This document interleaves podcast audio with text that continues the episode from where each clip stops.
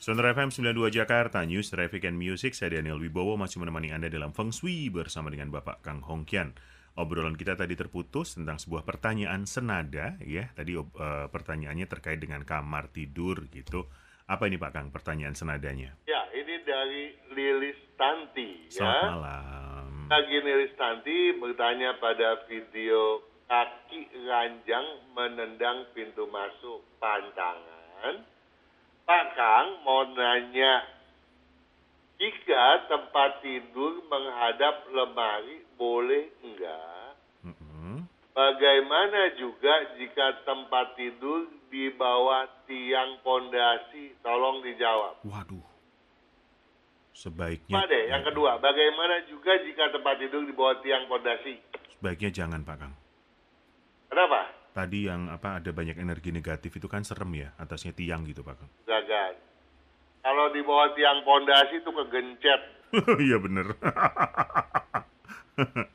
Yang dimaksud ini, bagaimana juga jika tempat tidur di bawah balokan pondasi, ya, balokan melintang di Ya. di atas, betul. ya. Jadi kita kita jawab satu-satu ya. Jika Baik. tempat tidur menghadap lemari boleh nggak? Boleh. Ada masalah. Ada dua hal yang harus diperhatikan. Mhm. Sekarang, di depan di pintu apa di bagian depan daripada lemari tersebut tidak ada cermin. Oh iya betul, setuju Pak Kang. Artinya kita tidur tidak menghadap ke. Cermin. Yang kedua, kita harus tidur bisa melihat pintu masuk pada sudut diagonal terjauh. Ya, Hmm. Nah, pintu tadi tidak menghalangi pandangan kita terhadap pintu. Ya. Eh, ya kemudian pertanyaan, bagaimana juga jika tempat tidur di bawah balokan pondasi? Jadi di atas kita tuh ada balokan melintang, gitu ya. Mhm. Nah, kemudian ada ada tiangnya tuh di atas balokan lagi, ya itu masih termasuk ya mungkin itu yang dimaksud tiang pondasinya. Ya. Ya, padahal itu tiang di atas bagian balokan pondasi.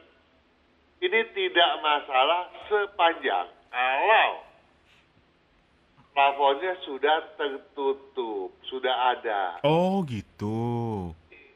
Eh, sahabat sonora di mana pun anda berada, Mhm. ini memang rancu. Ya. Banyak orang khawatir. Bahkan saya tidur di atas banyak balokan beton loh. Mhm, mhm.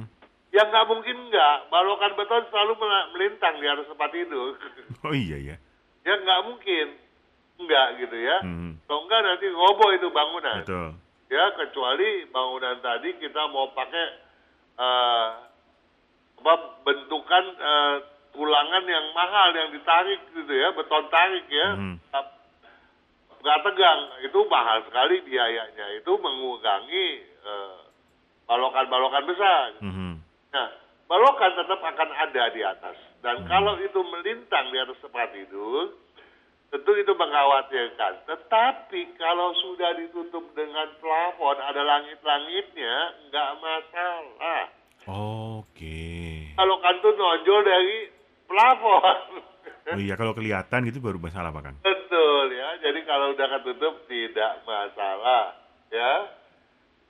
Oke, ada pertanyaan lagi dari Sisil Tan.